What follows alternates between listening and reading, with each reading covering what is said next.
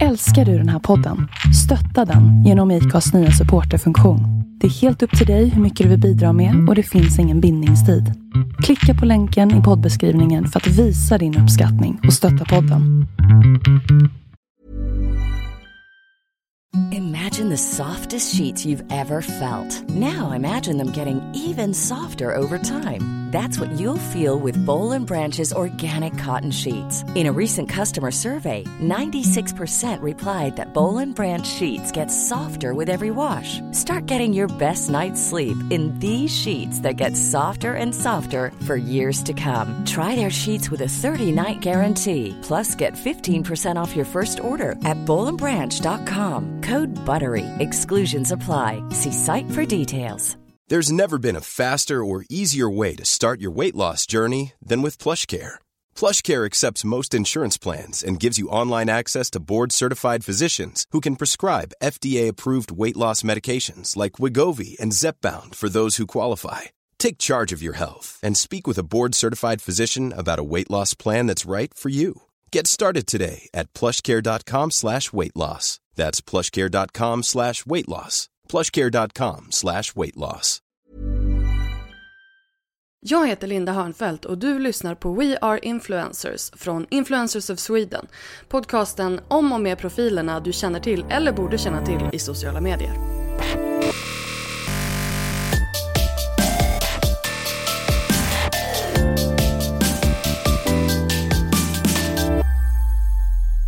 Hej och välkommen till ett nytt avsnitt av We Are Influencers.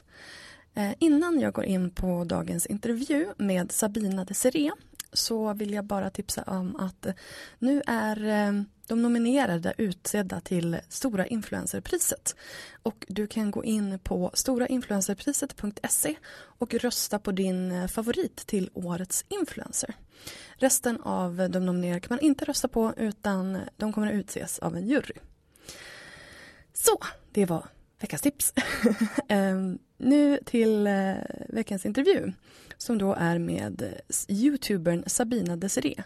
Sabina är 24 år gammal och eh, började göra Youtube för ungefär fyra år sedan och gjorde snabbt stor succé. Eh, idag har hon över 125 000 följare och sedan ett och ett halvt år tillbaka så jobbar hon faktiskt med Youtube på heltid. Eh, Sabina hade en dröm om att bli programledare och man kan väl lugnt säga att den gick i uppfyllelse. Dessutom under hennes egen ledning, vilket eh, kanske är ännu coolare. Eh, jag och Sabina har ett väldigt transparent samtal om pengar, eh, vacklande självkänsla, psykisk ohälsa och om att vara både personlig och privat på Youtube. Här kommer min intervju med Sabina Desiree.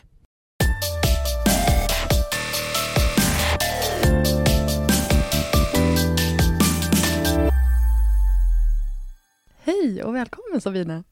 Tack snälla! Det är så kul att vara här och jag är lite nervös, jag måste bara säga det. Du måste bara få ur det, få ur, ur, det, ur luften, liksom, mm. eller in i luften. Eh, vi sitter ju faktiskt för första gången nu på Acast, där vi har podden liggande, där du också har en, en podd.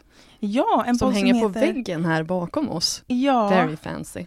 Under 30-podden. Vi hänger inte på väggen.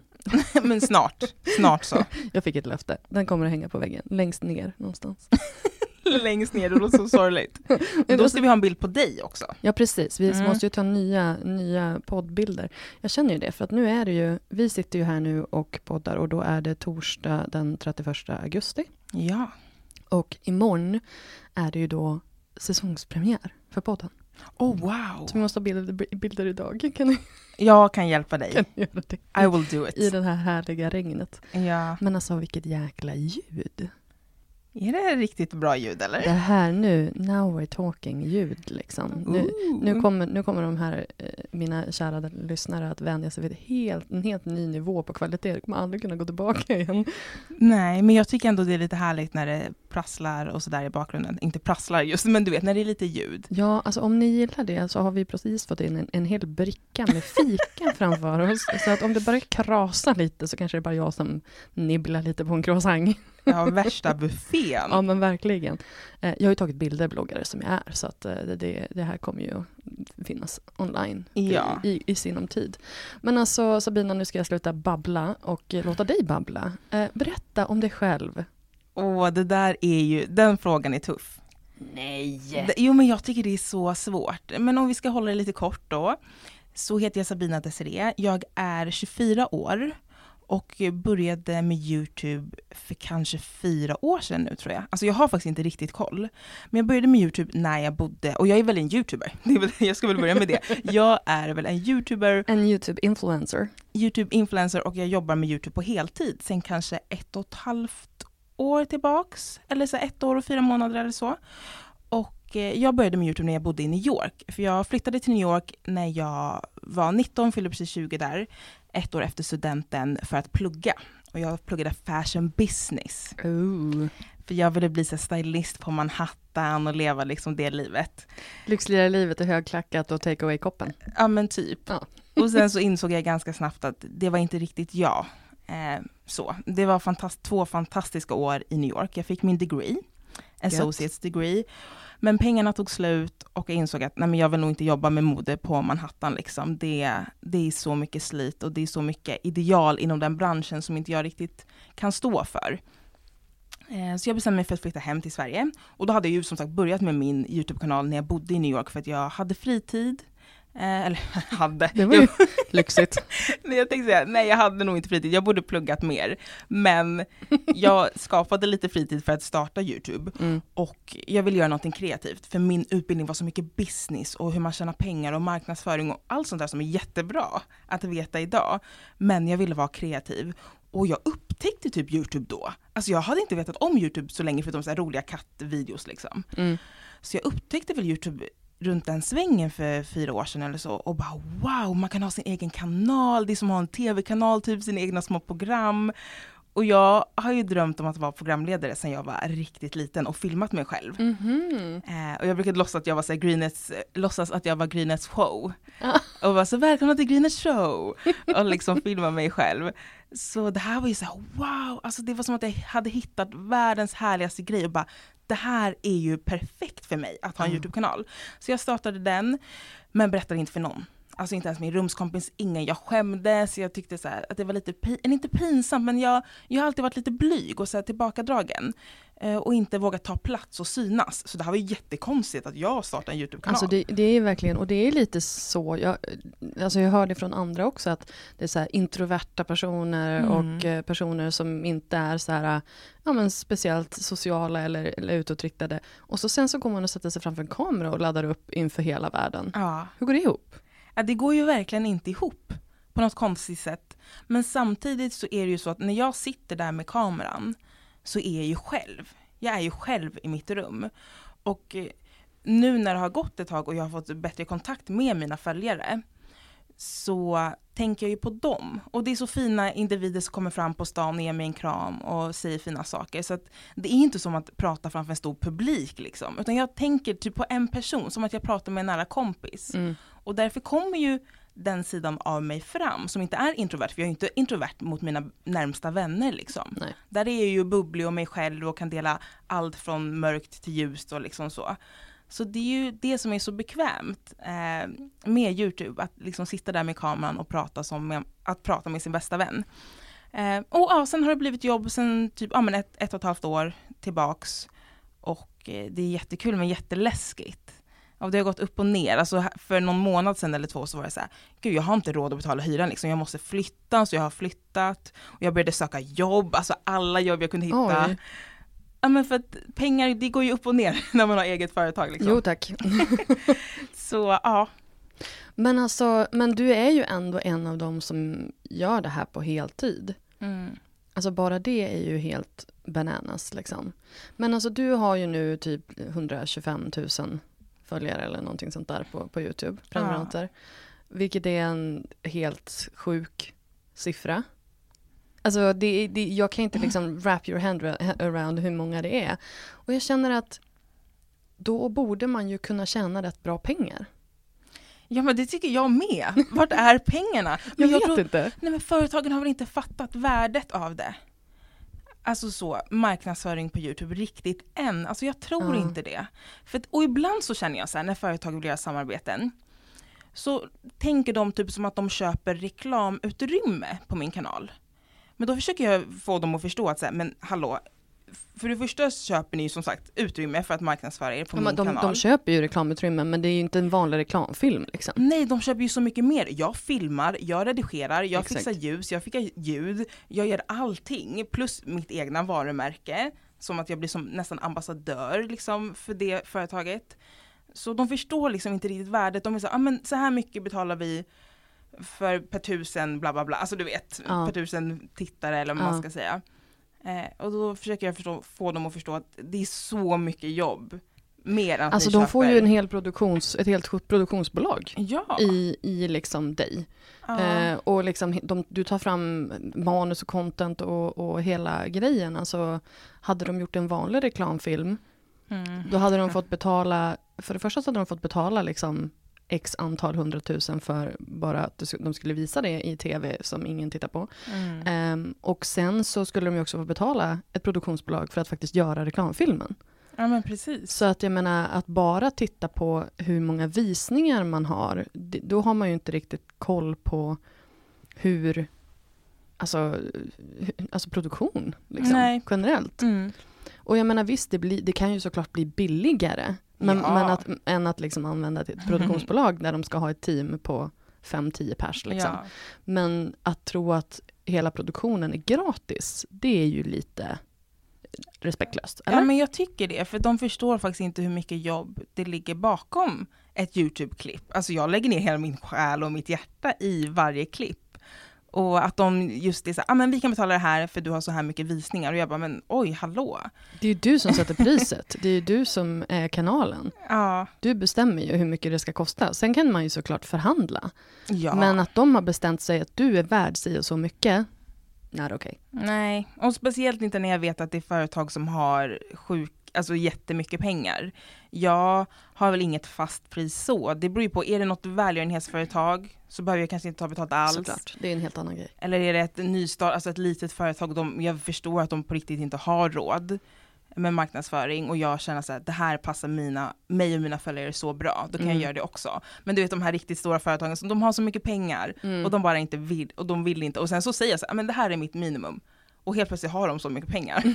Man bara jaha. Ja, Men det är ju också sådär när man väl så här har satt sitt pris och de bara, nej, det är för mycket. Och så sen så kommer de tillbaka hyripandes efter två veckor och de har insett att det, det var ju faktiskt ett bra pris och de vill ju faktiskt ha dig. Det är ju det som är anledningen till att de kom till dig från första början. Ja.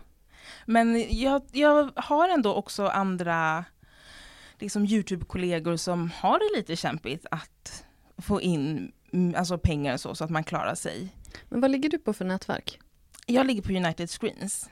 Men alltså, för jag menar de, jag gillar dem och sådär, men alltså säljer de inte tillräckligt då? Får du inte tillräckligt mycket betalt eller får du inte tillräckligt mycket jobb? Eller, för jag menar, om man tittar på, alltså om jag tittar på de som är helt egna till exempel och inte alls har de siffrorna, eh, de kan ju ta, de kan ju leva gott på det liksom. Så att jag, jag bara så här, vart försvinner pengarna liksom?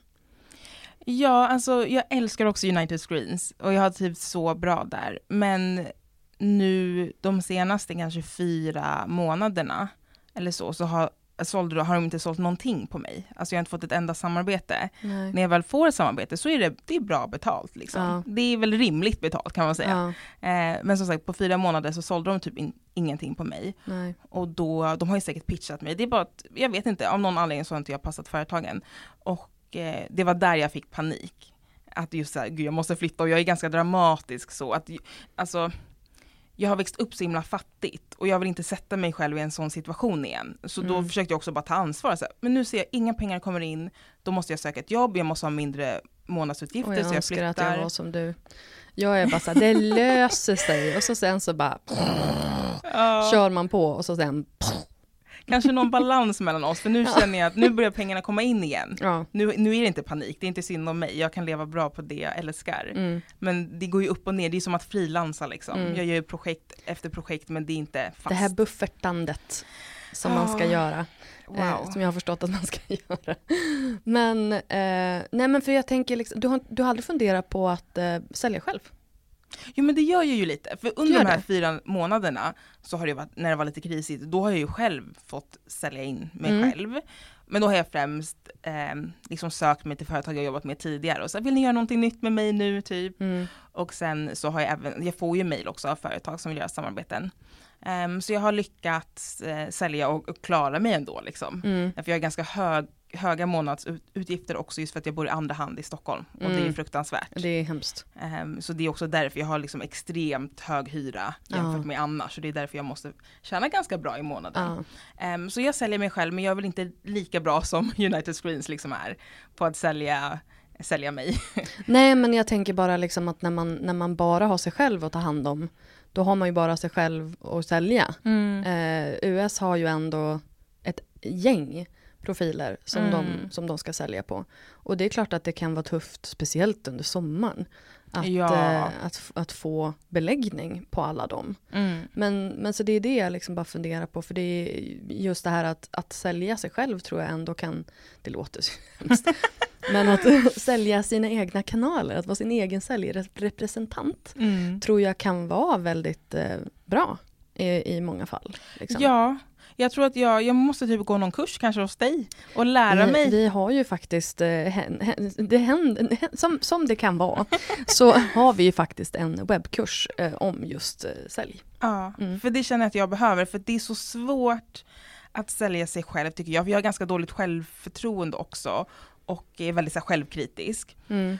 Och sen så, jag vet inte, det är svårt att veta sitt eget värde och Ja. värdet av att synas på min kanal när man ser bortom bara siffrorna. Ja, När man också ser värdet av mitt varumärke och så vidare. Det är där jag inte riktigt vet exakt. hur jag ska veta vad det är värt att synas.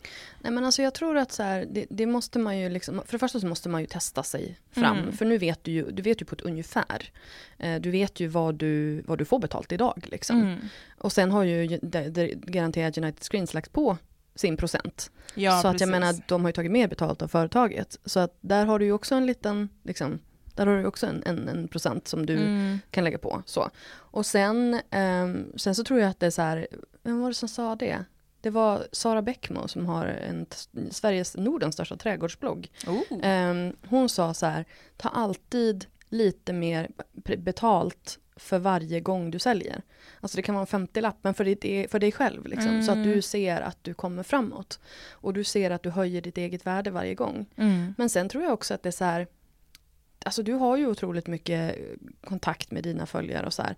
Alltså, det vet jag, gör en presentation med fina kommentarer med liksom, alltså du vet sådana grejer. För jag tror att ju, ju närmare man kommer det som man kan ta på, Mm. desto lättare är det för folk att förstå.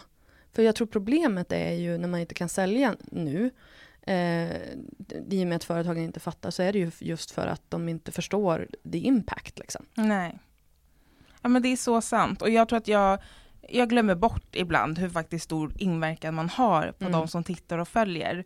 Och man fastnar för den där taskiga kommentaren när det är 100-200 fantastiskt fina kommentarer. Delete, delete, delete. Ah, jag har börjat göra det. Ja. Jag börjar ta makten över mitt liv. Jag tar bort den här skiten Ja. för jag behöver inte se det. Nej men alltså vad fan, de har ingen, det, det, är liksom, det, det, är ingen, det är ingen rättighet att vara taskig i någon annans vardagsrum. Nej. Så är det liksom.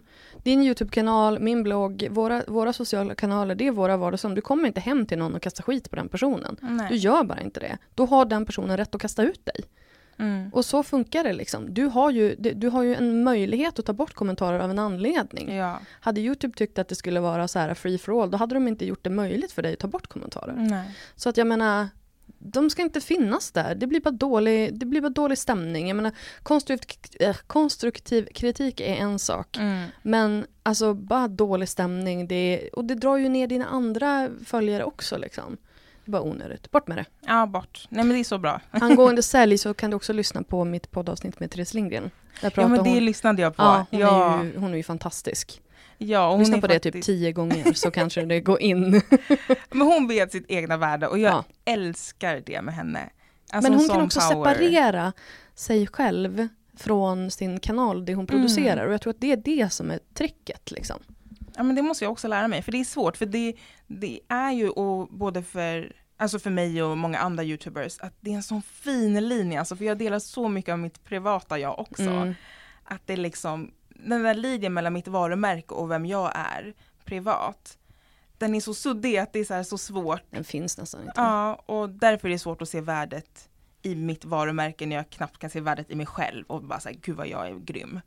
När sj- självförtroendet dippar liksom under Mm. livets gång. Så, men jag jobbar på det. Och jag har lite bra kompisar som Therese och Ida Varg också har varit så stor så här, inspiration, lite som en mentor. För jag träffade henne Ja. ganska tidigt i min YouTube-karriär Mm. här i Sverige. Och hon har också så här, fått mig att inse, men Sabina så här mycket ska du ta betalt och du måste våga liksom stå fast vid, Mm. vid ditt värde. Och hon pe- peppar mig så mycket så att det är bra också att prata med andra. Mm. Jag har inte träffat Ida personligen men jag träffade en annan eh, kollega i branschen i veckan eh, som också hade träffat Ida Mm. och sa att hon var en så här helt sjukt bra säljare. Men hon är ju säljare i botten och Ja. även Therese. Ja. Så att jag menar det är klart att det kanske är lättare för dem som har det mindsetet liksom. Mm. Men, men Ida var så här, hon, hon hade typ sagt så här bara, nej men vadå? Det är ju det, är ju det jag säger som gäller liksom. De kommer ju Mm. till mig. De får ju vara liksom Mm. tacksamma. Och jag tycker att det, jag tycker det är en bra inställning för att jag tror att om vi tar i från tårna, då kanske vi får vad vi är värda. För jag tror Mm. inte att, alltså jag är lite så här, what would do do? Ja, ja. Alltså Verkligen. Mm. generellt så. Eh, men, men sen tror jag också i det här att försök att sälja dig själv som att du vore din bästa kompis. Mm. För att du skulle inte liksom klanka ner på din bästis på det sättet som du gör dig själv. Nej, aldrig. Men det, det är en resa dit, men jag jobbar på det verkligen. Jag är stolt över dig. Tack. Vill du också leva din dröm att jobba som influencer? Vi på Influencers of Sweden hjälper dig att leva den drömmen. Vi är samlingsplatsen för bloggare, youtubers, instagrammare och andra kreatörer inom sociala medier och vi arbetar för att du ska kunna göra det du älskar, att inspirera människor. Genom att bli Pro-medlem i Influencers of Sweden får du tillgång till allt Influencers of Sweden har att erbjuda för bara 42 kronor i månaden. Influencers of Sweden är ett unikt nätverk för dig som är influencer. Och i ditt medlemskap så ingår bland annat inbjudningar till exklusiva seminarier och nätverksträffar, eh, tillgång till vårt fantastiska medlemscommunity och en kvalitetsstämpel för dina kanaler. Som medlem i Influencers of Sweden blir du en viktig del av en organisation som finns till för att utbilda, inspirera och stärka social media influencers som yrkeskategori. Bli medlem på influencersofsweden.se. När du lyckas, lyckas vi. Men du, du touchade lite grann på det här att du är väldigt eh, privat. Eh, Mm. Och du är ju liksom på gränsen till, du är alltså man brukar prata om en så här skillnad mellan personlig och privat, men du är ju, du är ju att toucha på den Ja, ganska rejält. precis. Och jag, jag försöker också göra skillnad just på personlig och privat. Jag är, otro, jag är 100% personlig. Mm. det är liksom det, det jag är. Mm. Eh, men jag snuddar där på privat också eh, ibland. Jag försöker göra det mindre just för att skydda mig själv. Eh, och jag är i liksom en tuff period där jag verkligen försöker jobba på min, här, med min psykiska hälsa och sådär. Och då tror jag att Mm. det kan vara lite farligt att vara för privat. Eh, men samtidigt så känner jag ju Alltså jag känner ju sån kärlek till de som följer mig. Inte alla, alltså vissa som följer mig, de har säkert mig, så jag tittar på min video i bakgrunden, bryr sig inte så mycket om mitt liv egentligen. Alltså det Mm. förstår ju, det är säkert en stor majoritet. Men vissa är så hängivna och så, det känns som kompisar liksom, Mm. nära vänner och skriver långa mejl och sådär. Ja. Och de, de vill jag ju typ vara privat med, för de är så privata mot mig också. Alltså Ja. så öppna sig på ett sätt som jag blir så här: wow. Att någon, för det är deras fulla namn eller deras Instagram-konton, så skriver de så personliga och privata grejer till mig. Mm. Och jag blir så att de har det förtroendet i mig är ju helt otroligt. Och jag vill ge det tillbaks. Men problemet är att om jag lägger upp det på Youtube så kan ju hela världen, alltså alla kan se. Ehm, så det, det är väldigt svårt. Men jag har, jag är nog ganska sund, alltså jag har nog en, en idé av vad som, är, vad som är, går för långt. Och speciellt när det gäller folk i min omgivning. Mm. Jag kan berätta väldigt mycket saker om mig själv och sådär som är på gränsen till privat. Men jag håller väldigt, alltså så här, människor runt omkring mig borta från det. Jag De ska det inte behöva straffas för gräns. hur jag, ja.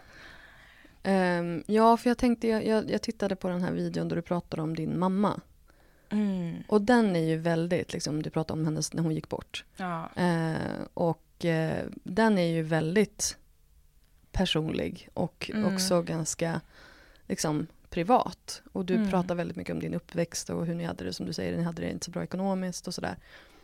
Men hur, vad får du då för respons på sådana videos? Den videon, den är ju så gammal nu också. Ja men du hade gjort en re-upload post Ja precis, re-upload. Men den första videon lades ju upp, alltså det var i början av min YouTube-kanal. Mm. Ja du såg, Eh, du såg lite yngre ut. ja, så det, och där var jag inte så bekväm framför ka- kameran. Mm. Alltså det där var en svår video och jag höll mycket inne. Ja jag såg, det var lite så här, var lite lip trembling där och här och Ja. där men du höll ihop det.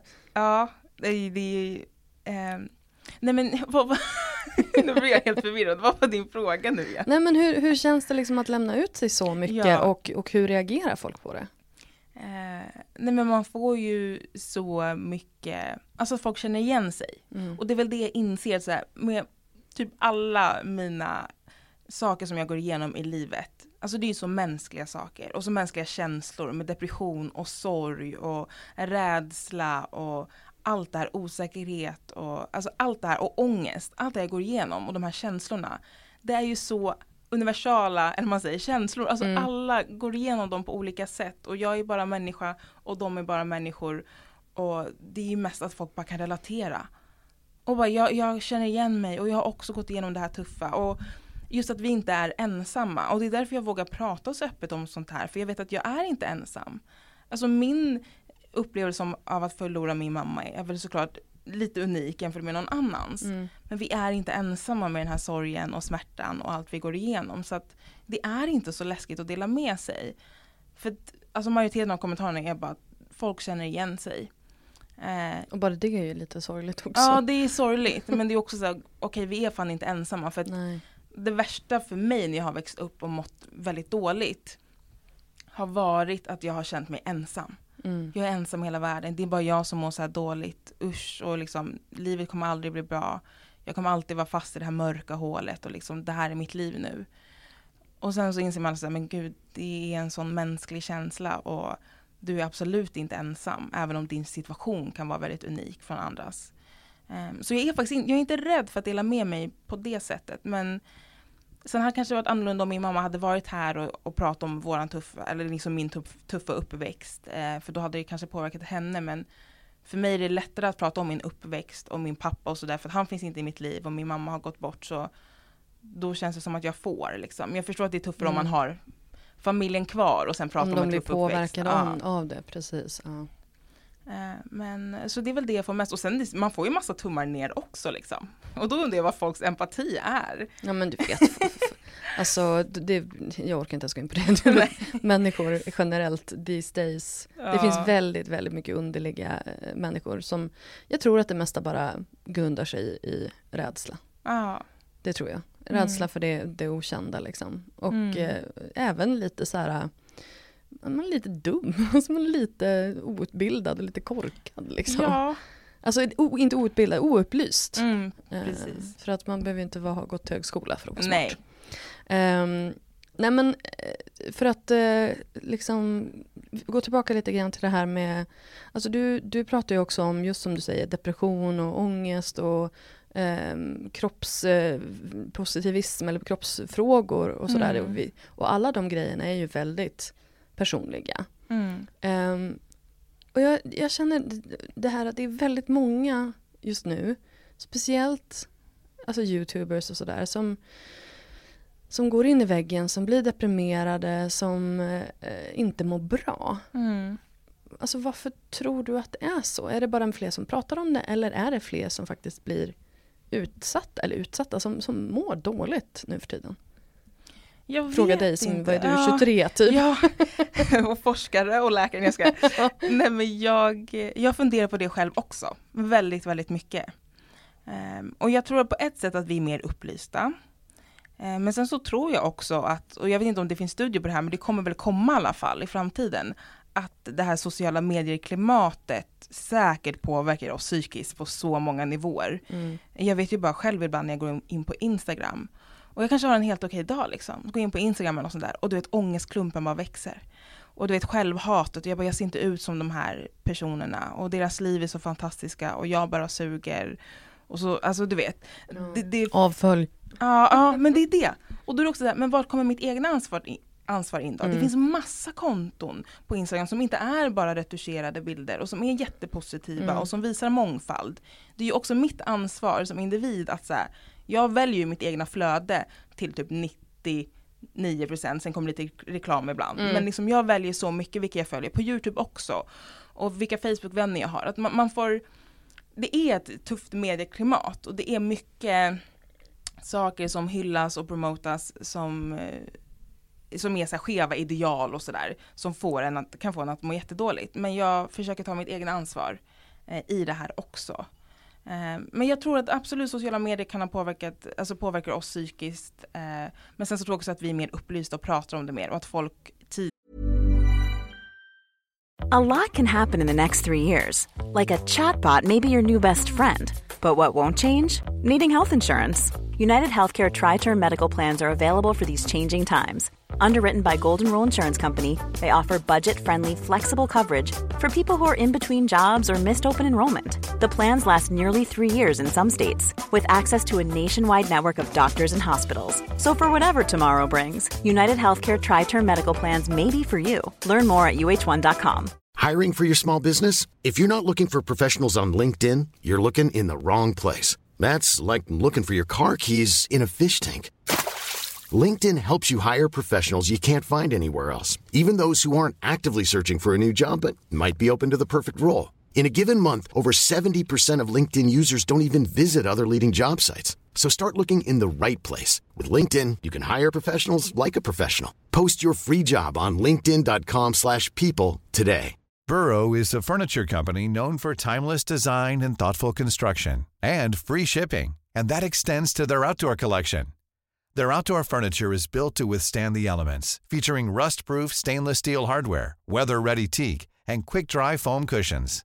For Memorial Day, get 15% off your Burrow purchase at burrow.com slash ACAST and up to 25% off outdoor. That's up to 25% off outdoor furniture at burrow.com slash ACAST. har lidit i tystnad. Och jag hoppas att vi lider mer öppet kan leda till något bättre liksom i framtiden. Jag tänker också på det här med att eh, ehm, förut, innan sociala medier och sådär, så var ju kändisar ganska ouppnåeliga. Mm. Alltså, du vet när man, när man tittar på Spice Girls eller på, jag ska försöka hitta någon Madonna eller du vet någon back in the day som inte hade liksom sociala medier i, sin, eh, i sitt prime. Mm. Ehm, nu är ju Beyoncé också ganska ouppnåelig men hon är ändå lite mer, så här, lite mer tillgänglig i och med sina sociala medier och sådär. Mm. Men det jag menar är att vi har ju fått en helt ny vi har fått ett helt nytt kändisskap Mm. i och med influencers. Ehm, och jag menar, det, det pratar jag ju med, med våra kollegor ehm, hela tiden. Folk som har personer som står utanför deras hus eller som kommer fram på gatan och det är både positivt och negativt. Mm. Hur känner du inför det? Eller inför liksom ett, ett kändisskap som en normal person eller vad man ska säga? Ja, alltså det är det jag tycker är så intressant för jag, jag förstår inte jag ser att det är så, men jag förstår inte riktigt den grejen just med eh, vissa av oss influencers och mig som youtuber som så här, visar mig själv, du vet när jag står och tvättar eller jag vet inte, är hemma en dag helt själv, jag har ansiktsmask och visar vad jag har köpt för mat liksom. Att, alltså jag visar mig själv så tråkig, alltså så en vardag som är helt vanlig och jag visar alla mina flas och sådär. Och ändå så kan folk komma fram och typ gråta när de träffar mig det, det är ju det, fi, alltså det är så fint och det är så bisarrt och det, jag känner ju bara kärlek för de personerna. Men jag, jag förstår inte riktigt själv för jag tänker, men ni ser ju mig, liksom hela mig, som en bara helt vanlig människa. Inget speciellt med mig alls. Vi är liksom equals. Eh, och ändå så sätter folk, på, alltså vissa, vissa, en liten procent sätter upp en ändå på en pedestal. Mm. Och jag tycker det är intressant, jag vet inte riktigt liksom vad det grundar sig i. Eh, för det jag vill hålla, jag vill verkligen hålla en ton, alltså vi är alla equals. Alltså Mm. jag är inte över er här. Det är alltid en diskussion, jag sitter inte här och preachar och säger hur ni ska tänka och liksom jag försöker inte visa en perfekt bild av mig själv. Tvärtom, en komplex bild av mig. Och jag försöker alltid att också hålla den tonen på min kanal. Att jag kanske pratar om någonting jag brinner för och någonting jag tycker. Men också fråga sig, men vad tänker ni?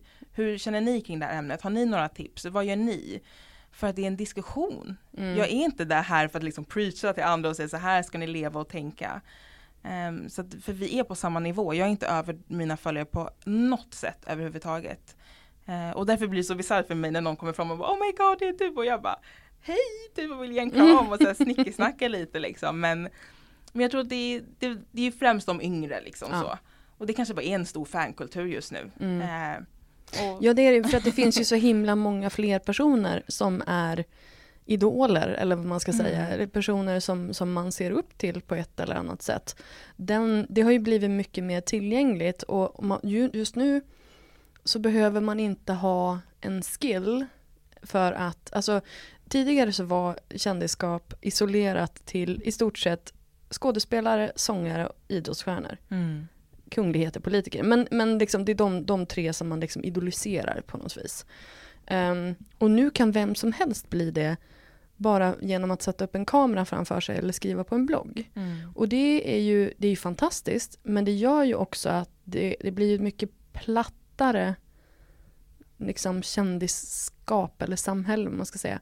Och tidigare så har det liksom varit, men är det Beyoncé då, då kan du bygga murar runt dig för att ingen ska Ja. komma in. Men folk kan stå och plinga på din dörr liksom. Mm.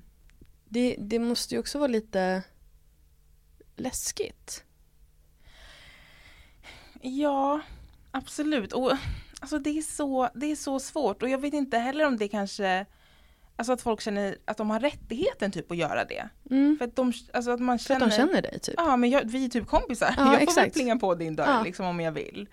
Ehm, och det är väl där det är också så svårt för att när man själv delar så mycket personligt och lite privat så förstår jag att så här, psykologiskt kanske det bara händer i folks hjärna. Så här, men gud vi känner ju varandra. Jag har Mm. rätten att bara komma fram och eller så plinga på din dörr eller bara ta bilder på dig om jag ser dig på stan utan att fråga. Mm. Även fast man också är såklart en privatperson som bara liksom Men det är det, är det som är så här, det finns inte, privatpersonen finns ju inte för dem. Nej. I och med att du delar med dig av i stort sett allting.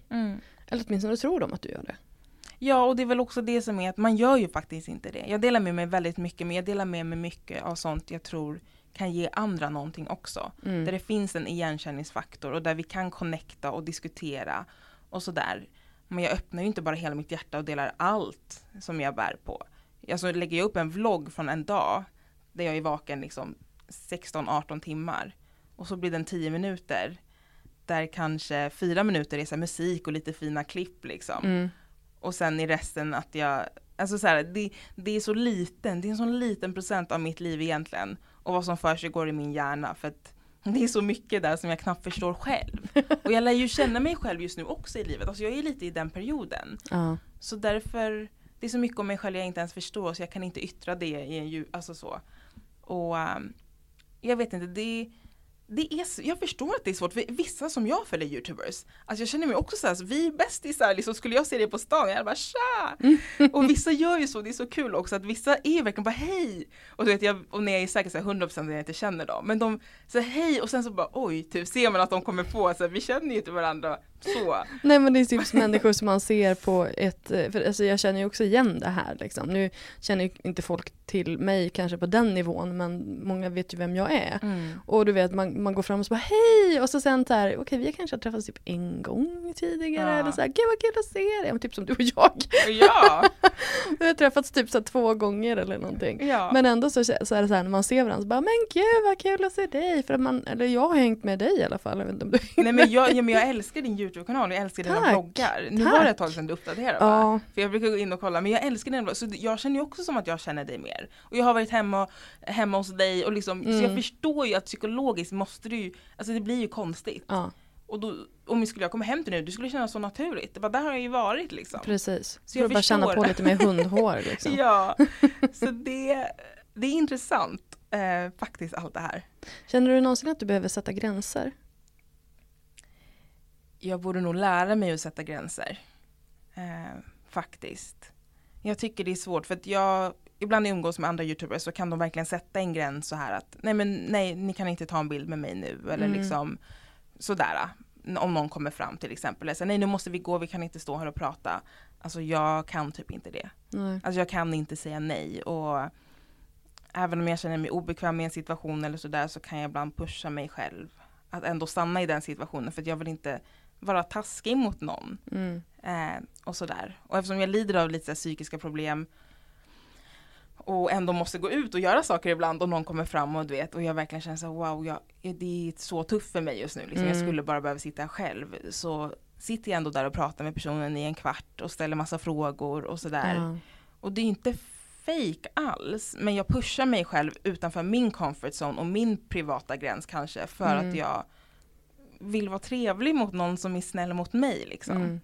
Ehm, så jag, är nog, jag, har, ja, jag har svårt att sätta gränser, jag kan typ aldrig säga nej. Mm. Aldrig. Alltså det, ibland har jag kanske velat säga nej, så nej jag kan inte ta en bild nu för jag har typ precis gråtit, Mm. jag går här i, alltså så här, Och så jag, säger de snälla. Ja men jag, jag, jag kan inte, jag bara ah och så tänker jag, jag hoppas att jag aldrig behöver se den där bilden liksom. för den är så hemsk. Så, Upp på Instagram, tagga. ja men typ. Så nej, nej, jag måste lära mig. Ja, för jag tror att det är viktigt, inte bara för att du ska få ditt space, utan även för att folk ska lära sig var gränsen är.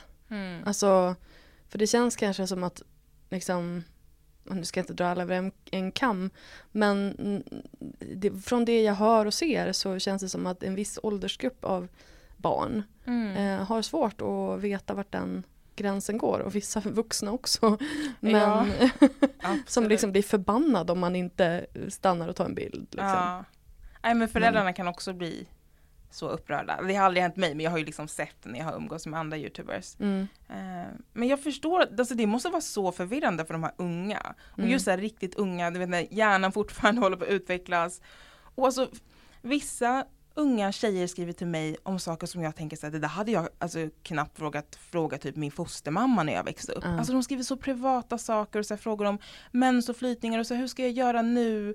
Och sådär och jag bara, men gud älskade du att du inte har liksom någon annan i din nä- fysiska närhet liksom som Ja. du kan fråga det här. Nej, de Till- litar på dig mer. Ja, Mm. att de har typ en närmare relation med mig.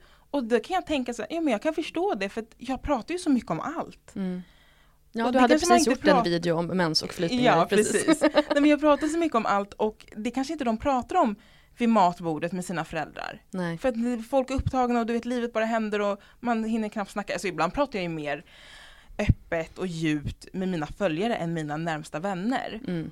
Och det är inte för att jag hade ju berättat allt det här och ännu mer till mina närmsta vänner men vi kanske inte hinner ses lika ofta. Man hinner inte ses, alla har sitt, Ja. eh, så man kanske inte vill lägga vissa grejer på Mm. sina vänner och då är det lättare att bara så här, stoppa ut det i universum Mm. och se om någon hör av sig. Ja. För att liksom, ja men lite så, därför att jag kan känna också så här, jag som också har lite så här, ja men perioder med, med ångest och, Mm. och, och utmattning och sådär. Att man känner att man, men alltså jag orkar inte gnälla om det här igen. Jag orkar inte ringa mina kompisar och bara, nu mår dåligt igen. Mm. Tyck synd om mig. Så då, då lägger man ut det på internet och så ser man, okej men om någon hör, av- de hör av sig om de har tid liksom. Ja. Eh, men sen kanske de tänker tvärtom, att ja men då hon får höra av sig annars vill hon vara i fred. ja. Och så blir det bara igen. Då blir det fel. Ja. Eh, men nu ska vi inte prata mer om mig.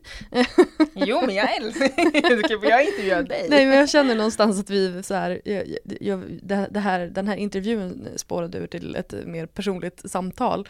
Eh, jag älskar än, det. än en intervju. Ehm, ja alltså, ja det, jag tycker det är jättehärligt, för jag tycker också om att prata men eh, ska vi återgå till dig då kanske? Men alltså, för din kanal är ju väldigt ehm, du har ju du har ingen så här uttalad nisch, eller hur? Nej.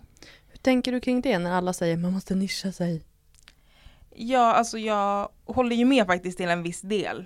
Alltså jag tror att det, mitt liv hade varit lättare om jag hade nischat mig, Mm. eller mitt liv, mitt yrkesliv. Mm. Eh, Det hade varit lättare för företag att veta liksom att de vill synas på min kanal, jag kanske skulle kunna ta mer betalt. Ja, det är nog snarare det jag tänker. Eh, ja, mer pengar liksom More om jag hade haft en. Selina. Ja, det hade inte suttit fel. Men samtidigt så, som sagt, alltså min kanal, den, den är ju som sagt den är ju en förlängning av mig själv typ. Mm. Och den reflekterar så mycket vart jag är i livet. Så därför har det varit mycket så här, kroppsgrejer på senaste tiden för att jag är en period där jag jobbar på att älska min kropp. Eh, och nu framöver kanske det kommer vara mer så självförtroende videos för det är där jag är. Så Mm. den reflekterar mig och vart jag är i livet så himla mycket. Och på något sätt så älskar jag det för att jag kan ju, alltså när jag inte är nischad så kan jag också nå ännu fler. Ja. Om man ser bort från pengar och företag så kan jag ju nå ännu fler. Och jag vet att det är så många som kan känna igen sig i det här. Mm. Och sen så har jag väl inte någon hobby så som jag älskar jättemycket som är så nischad. Jag älskar ju alltså, livsstil, jag försöker leva ett härligt liv och liksom följa mina drömmar. Och man ser ju mat på min kanal och man ser mode och man ser så här välmående grejer och sådär. Mm. Eh, men jag kan liksom inte dedikera mig helt till en. Eh, Men det är ändå så här, även fast du inte har det, så har du ändå lyckats få 125 000 personer att trycka på prenumerera-knappen, vilket, vilket måste betyda att de gillar ju dig som person. Ja det, förstår, det förstår jag inte men det är ganska konstigt. Jag tycker det, det är ju fantastiskt. Och jag menar, för du är ju en väldigt härlig person. Så att jag menar, det är ju jättetrevligt att, att de ser det liksom. När, när det inte är så här, okej men jag vill bara följa kanaler om mode eller dataspel eller Mm. vad det nu är för någonting. Utan det är så här, fan jag gillar Sabina. Ja det är jättehäftigt men också, också läskigt och, och svårt ibland. Jag tror att det hade varit ännu lättare att separera sig själv från Mm. sitt varumärke om jag hade haft en nisch. Bara, Mm. Det här är en modekanal. Då hade jag verkligen kunnat separera liksom. Det Ja, då- mig själv. Då platsar inte flytningarna liksom. Nej, flytningar och allt möjligt. Nej men precis. Att det är, men jag älskar det för mycket och jag älskar för mycket den kontakten jag får Mm. med mina följare. Att jag är inte är redo att lämna. Men någon dag kanske. Att, att jag inte kommer vilja vara lika personlig i mina sociala medier. Men där jag är just nu i livet så ger det mig och mina följare, alltså sätter vår relation för mycket för att jag ska kunna lämna det.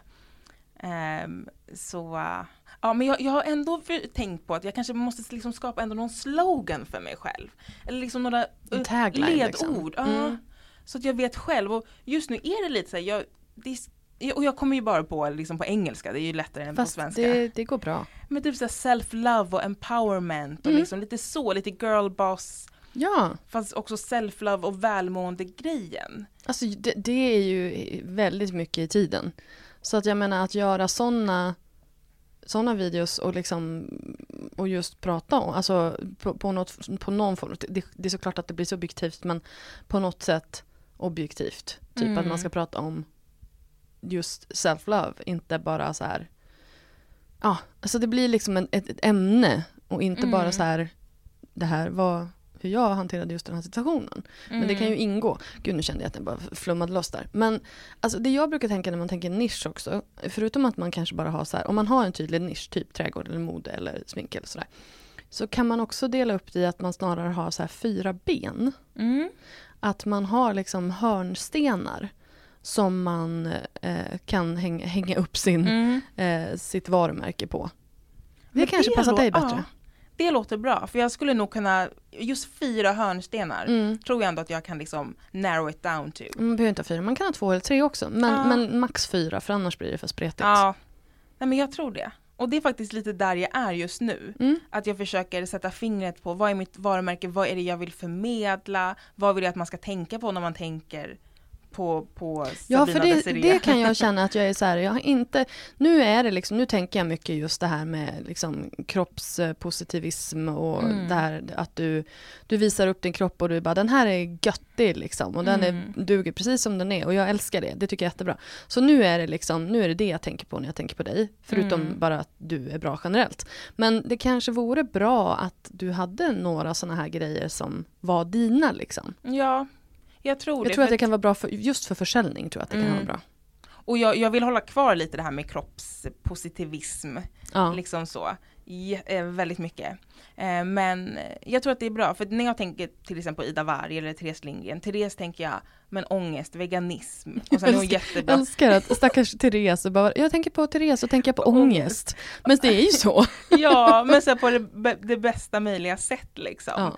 Eh, och just veganism och även, hon är jättebra på beauty och så otroligt vacker. Ja. Och när jag tänker på Ida, men det är ju så här välmående, hälsa, kost och hon är liksom peppig. Mm. Bara så här, alltså peppig och så, här, så mycket glädje.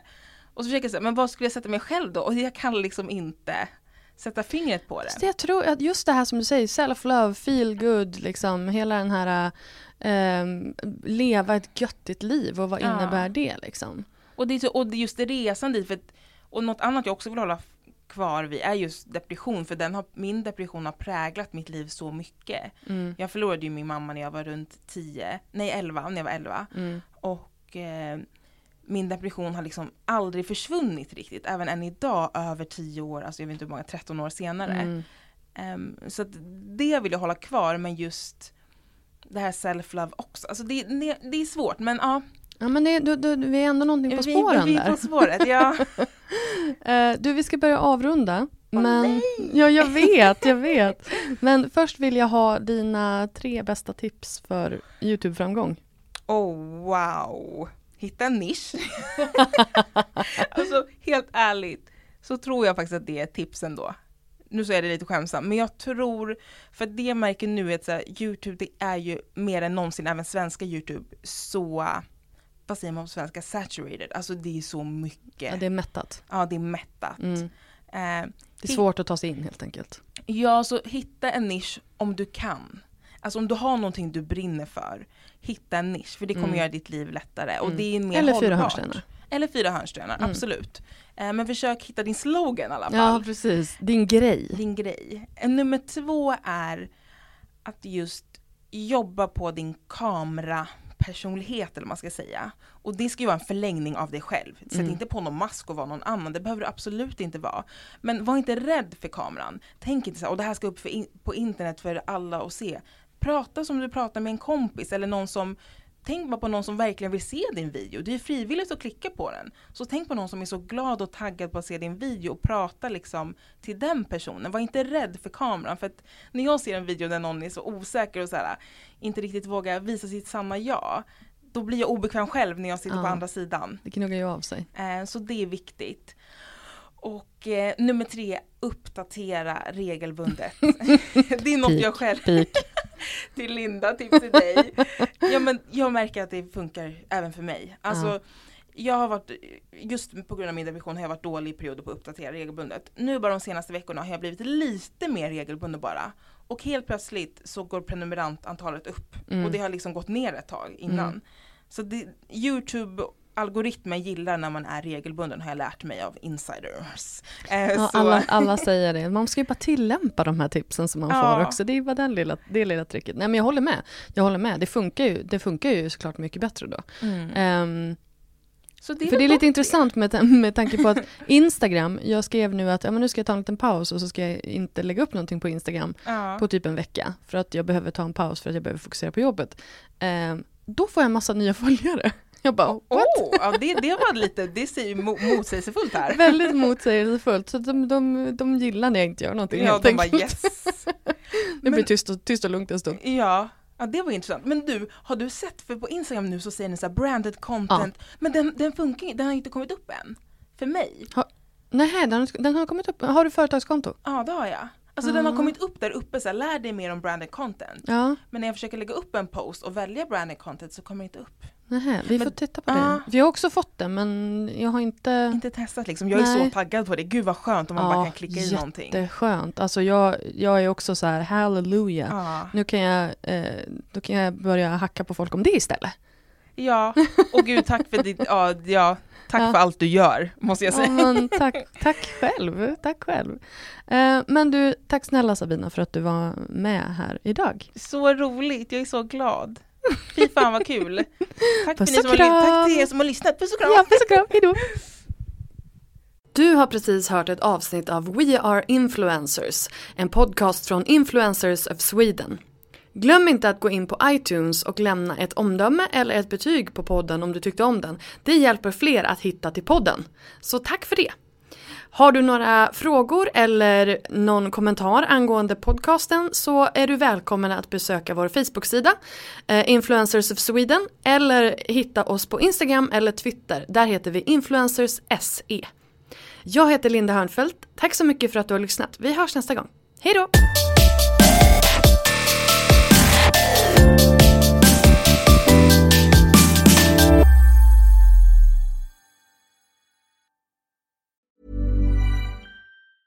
Hi, I'm Daniel, founder of Pretty Litter. Did you know cats tend to hide symptoms of sickness and pain? I learned this the hard way after losing my cat, Gingy. So I created Pretty Litter, a health monitoring litter that helps detect early signs of illness by changing colors, saving you money and potentially your cat's life. Pretty Litter is veterinarian developed, and it's the easiest way to keep tabs on your fur baby's health right at home. Go to prettylitter.com and use code ACAST for 20% off your first order and a free cat toy. Terms and conditions apply. See site for details. Even when we're on a budget, we still deserve nice things.